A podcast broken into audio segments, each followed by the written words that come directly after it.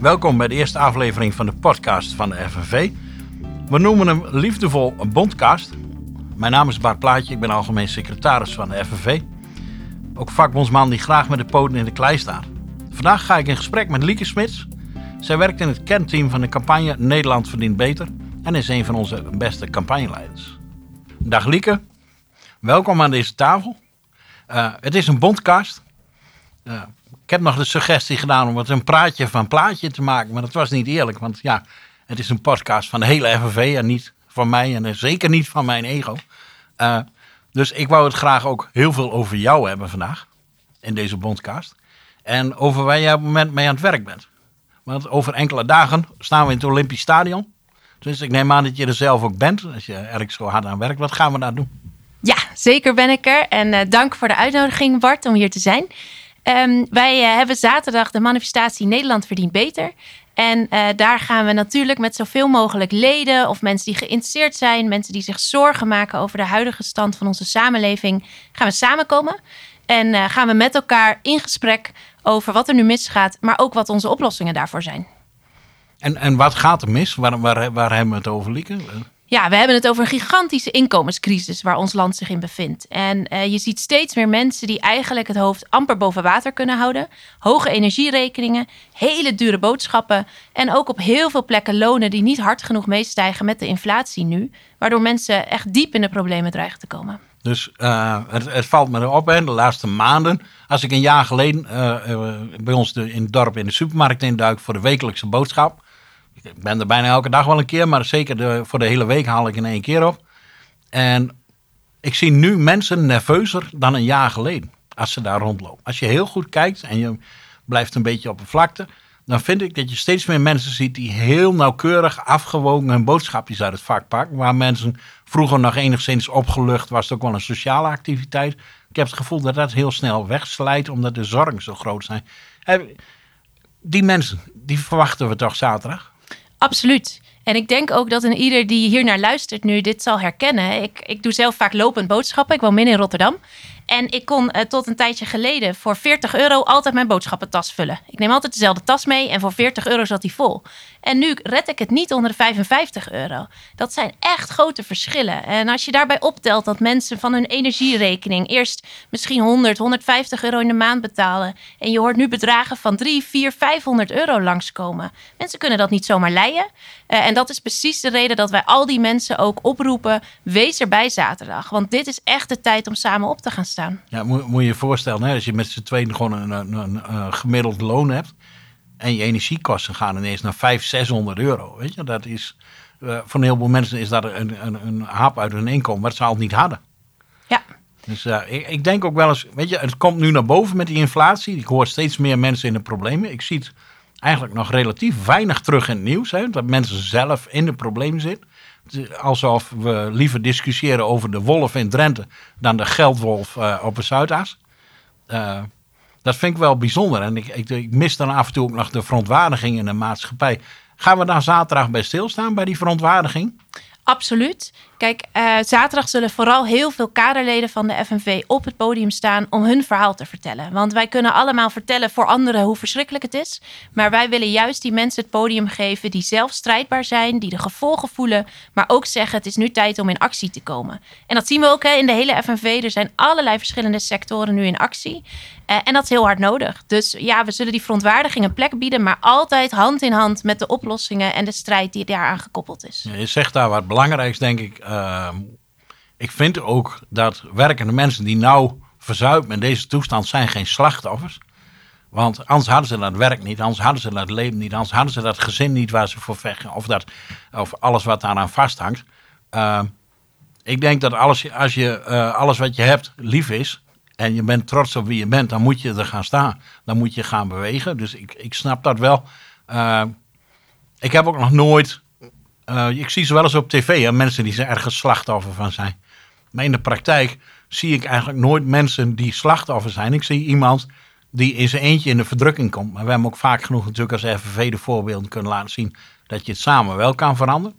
Dus ik zie dat wel. Ik ben ook blij met die keuze voor die kaderleen. Wat voor uh, welke kaderleden hebben we daar staan? Zijn dat postbodes? Zijn dat schoonmakers? Zijn dat...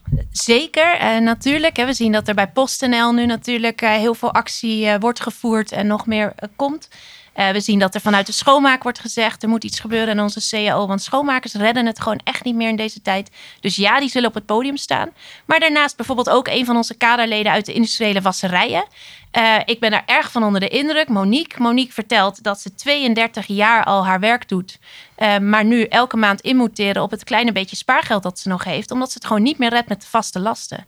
Dan ben je 32 jaar werk aan het doen. Cruciaal werk. Zij wassen de lakens voor onze ziekenhuizen. Dus als wij in het ziekenhuis liggen, ja, dan mag ik hopen dat we een schoon bed krijgen. Ja. Dat is dankzij Monique en al haar collega's. En nu, na 32 jaar zo belangrijk werk doen, eigenlijk het eind van de maand niet kunnen halen financieel.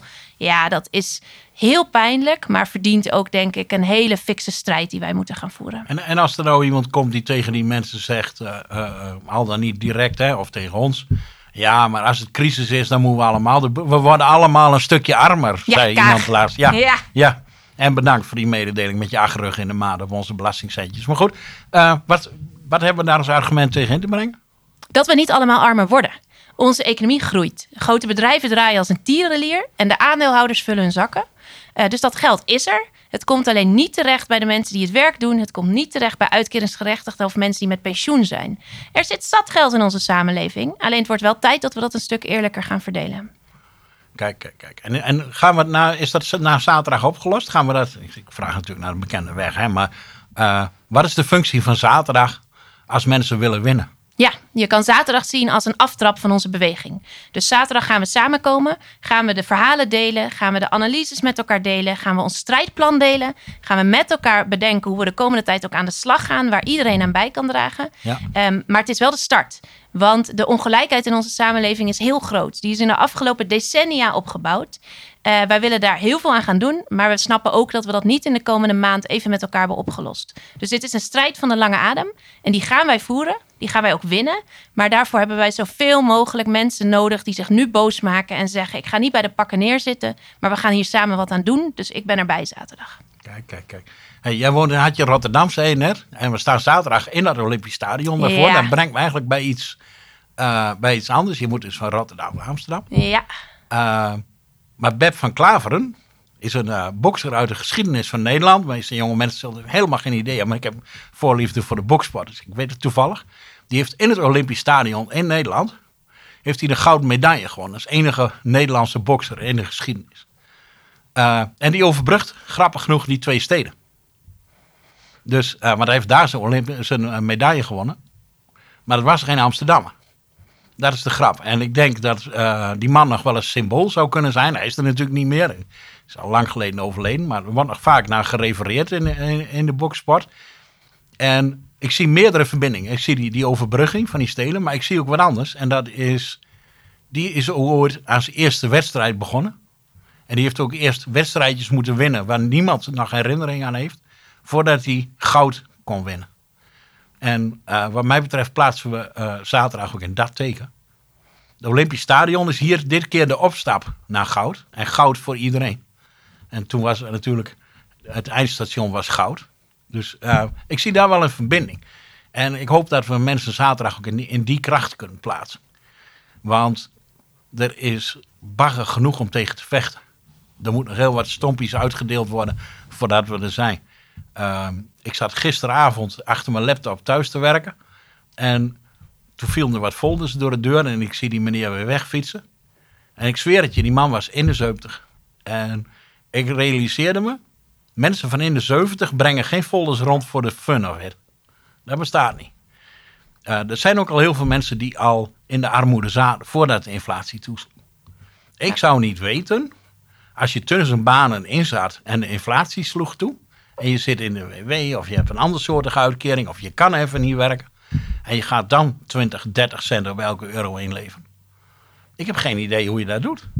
En ik vind ook dat die mensen geen slachtoffer zijn, maar dat het nu wel een keer leuk geweest is. En als je nu niet gaat bewegen, weet je, wanneer dan wel? Ja. Ja, kijk, afgelopen week kwam natuurlijk het nieuws van het Rode Kruis dat ze voedselpakketten in ons land uitdelen. Ik heb drie keer die kop zitten lezen in de media, want ik dacht dit moet gaan over hè, een land ver weg waar oorlog is en heel veel ellende. Het gaat over onze eigen samenleving. Mensen die gewoon hè, hun kinderen zonder ontbijt naar school sturen. In mijn eigen klas was dat ventje van 11 die flauw viel. Uh, en waarbij de moeder zei: Ja, ik snap het wel, want hij heeft al drie dagen geen eten meer gehad. Dit is ons eigen land, waar zoveel rijkdom is en waar tegelijkertijd zoveel ellende is. En ik ben het helemaal met je eens: die mensen zijn geen slachtoffer.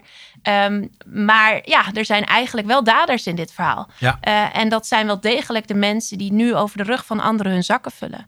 En dat zijn ook de grote energiebedrijven die enorm profiteren in deze tijd, terwijl mensen hun energierekening niet kunnen betalen. Ze krijgen een subsidie van 23,5 miljard van onze regering. En ondertussen kunnen zij gewoon hun winsten blijven maken. Uh, en we zien dat ook bij grote werkgevers. Ik hoorde van de week een van onze kaderleden vertellen, die werkt in de uh, buitenruimte, zit op de veegwagen. En die vertelde dat zijn werkgever heeft aangeboden dat de mensen wel op het werk mogen douchen. Dan mag je op zaterdag je gezin meenemen. Moet je je voorstellen, hè? Dan, dan kom je daar, dan moet je tegen je kinderen s ochtends zeggen: pak je toilettasje en je handdoek. We lopen naar papa's werk. Papa werkt fulltime, maar thuis douchen is eigenlijk te duur voor ons. Ja, dat is toch vernederend ten top. En dat vind ik echt, dat motiveert mij in ieder geval tot het bot om, uh, om samen te strijden en met al deze kaderleden op te trekken. Ik heb dat filmpje ook gezien en ik kreeg er ook kippenvel van. Ja. Ik, ik, had het, ik vond het iets tragisch, want die meneer die had het in ieder geval zijn collega's ook ervaren als een charmant gebaar, waar niemand gebruik van maakte omdat mensen zich schaamden. Maar het feit dat je het ervaart als een charmant gebaar, vond ik heel bijzonder. Dat is wat we in Nederland heel lang geaccepteerd hebben. Mensen uh, haalden een bepaalde trots uit hun werk. Ik, kan me, uh, ik weet nog dat ik vroeger in een distributiecentrum werkte, dat ik echt blij was als ik zeker wist dat alle containers die naar, naar een filiaal van, van onze, uh, ons bedrijf toe gingen, als die allemaal klopten, als ik mijn werk goed gedaan had. En het is volgens mij heel erg Nederlands om echt te wensen dat het goed gaat met je werk. En op het moment dat je dan ook nog een baas hebt die een beetje normaal met mensen om kan gaan, dan is de wereld eigenlijk al in orde. Dan hoef je helemaal niet een torenhoog salaris. En dat die baas dan rijk wordt, dat zal je eigenlijk ook nog een zorg wezen als jij thuis maar kan rooien. Dat is typisch Nederland. Alleen we zijn wat dat betreft in een unieke tijd aangekomen volgens mij. Waar mensen rooien het niet meer. Nee.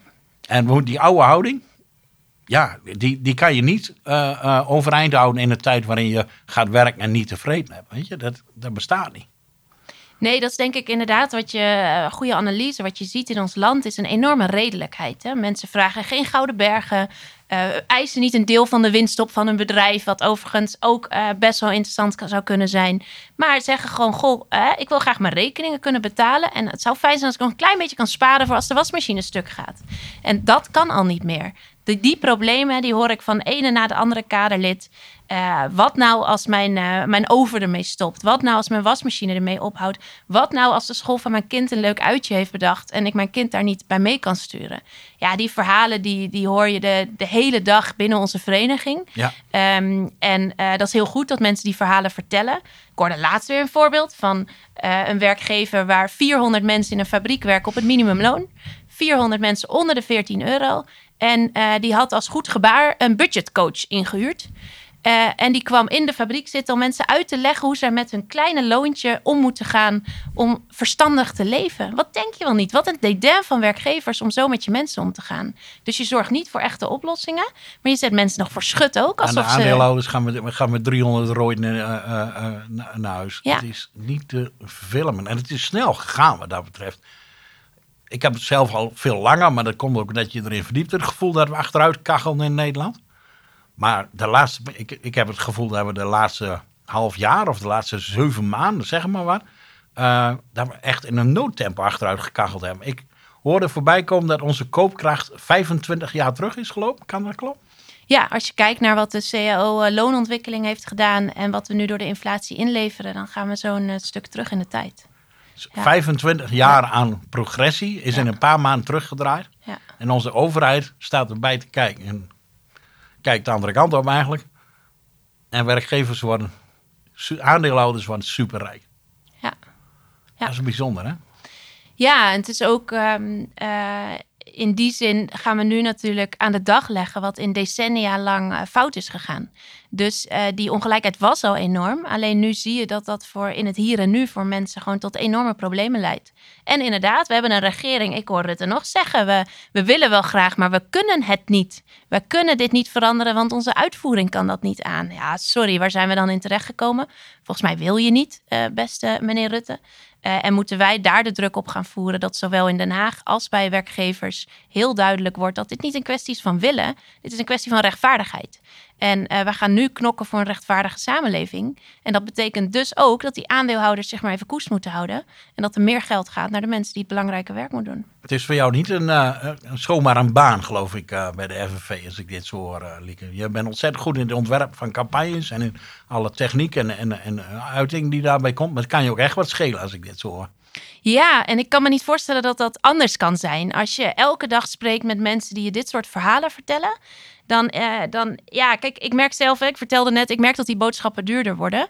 Um, maar ik merk bij mezelf ook dat ik er nog niet minder om hoef te kopen. En dat is luxe. Dat is heel luxe. Want er zijn zoveel mensen die wel degelijk staan te kijken wat ze nog mee kunnen nemen. Hoe ze hun kinderen met een volle maag naar school kunnen sturen. En wanneer de nieuwe schoenen voor hun kindje gekocht kunnen worden. Ja, dat geeft zoveel motivatie om, om te knokken met elkaar. Kan, kan je nou zeggen, want ik kan me voorstellen dat mensen snel genoeg begrijpen dat we gelijk hebben. Maar dat ze ook wel denken, ja, maar ga jij maar even winnen van die lui. Weet je, uh, we staan enting over de aandeelhouders van, van de supergrote bedrijven. Die zichzelf verrijken en die gewoon politieke invloed hebben. En we staan enting over politici die eigenlijk die lui vertegenwoordigen. En niet de mensen die, die hun gekozen hebben. Uh, als je daarvan wil winnen, kan je zeggen, we gaan dat winnen doordat mensen zelf hun verhaal gaan vertellen aan andere mensen, waardoor die groep zo groot wordt en zo boos wordt dat ze wel moeten luisteren? Is, is dat eigenlijk wat we komen doen? Ja, uiteindelijk wel. Hè. We zeggen wel eens, uh, they got the money, we got the numbers. Zij hebben dan wel het geld, maar wij zijn met meer. Ja. Uh, dus ja, ik heb er het volste vertrouwen in dat we dit gaan win uh, winnen. We zitten op een kantelpunt in onze samenleving. De woede groeit met de dag. Mensen zijn hartstikke boos, ook actiebereid. Uh, je ziet dat ook in alles wat we nu vanuit de FNV doen. Hoeveel mensen er bij acties zijn, in sectoren opstaan. Mensen willen staken. Mensen pikken het niet langer. Ja, en dat kantelpunt, als wij dat goed weten om te zetten met elkaar, dan kunnen we echt een heel bijzonder jaar tegemoet gaan. Ja. En dan gaan we terugpakken wat van ons allemaal is. En ja, ik kijk daar wel erg naar uit eigenlijk. Ja, ja ik kan me dat wel voorstellen. Eigenlijk is Nederland uh, beland in, uh, in de laatste minuut voordat er een gevecht uitbreekt in een kroeg. Hè. Ik, ik ging vroeger, toen ik veel ging stappen, toen ik jong was, toen had ik altijd een, een trucje. als er dan iemand heel erg ruzie begon te zoeken en ik had het super gezellig, dan zeg ik altijd, ja, kom maar mee naar buiten, jongen. Kom maar mee naar buiten. Voor me dan, naar buiten. En dan werden ze helemaal opgevakt. En dan liepen ze, voor me. En als hij dan naar buiten liep, dan deed ik de deur achter hem dicht. En zei hij in die uitsmijter, die vent die moet je niet meer binnenlaten. Die moet vechten. Dus je moet ook altijd je kop erbij houden, weet je. Uh, ja. Dat is wat ik daar eigenlijk mee wil zeggen. Ik maak er een beetje een grapje van. Maar uh, ik denk als we slim zijn... en als we gebruik maken van het feit dat mensen hun eigen verhaal... aan andere mensen kunnen vertellen... Ja. dat die groep zo groot wordt... dat we dit ook echt gaan keren en dat we geschiedenis gaan schrijven. Dus de toekomst van de vakbeweging uh, wordt volgens mij... voor het eerst weer goed aangejaagd aankomende zaterdag. Dus, ja, ja, dankzij uh, al die kaderleden die daar nu het, uh, de voorhoede in vormen. En we zullen dus zaterdag ook de dag afsluiten met uh, onze eis, waar we de komende tijd mee de boer op gaan. Um, en dat is denk ik ook de reden dat zoveel mogelijk mensen erbij moeten zijn. Omdat we zaterdag met elkaar gaan heel scherp gaan stellen. Wat willen wij de komende tijd voor elkaar krijgen? Hoe gaan we dat doen? En wat kan jij daarin betekenen? Uh, en daarin doe ik ook echt een beroep op en ieder die dit hoort. Zorg dat je erbij bent, maar zorg ook dat je met ons na zaterdag door gaat pakken. Zodat wij uh, ja, uiteindelijk absoluut gaan winnen. Dus we hebben een plan, we gaan winnen. En zaterdag hoor je het plan. Daar komt het eigenlijk op neer. Ja, mooie samenvatting. Nou, geweldig. Dankjewel, Lieke. Fantastisch gesprek. En we spreken elkaar zaterdag. Ja, doen we zeker. Dank je. Dank je. Bedankt voor het luisteren naar de FNV-podcast. Je kunt je nog aanmelden voor een manifestatie en geloof me, hier wil je bij zijn. Kijk op fnv.nl slash 26 november of fnv.nl slash beter.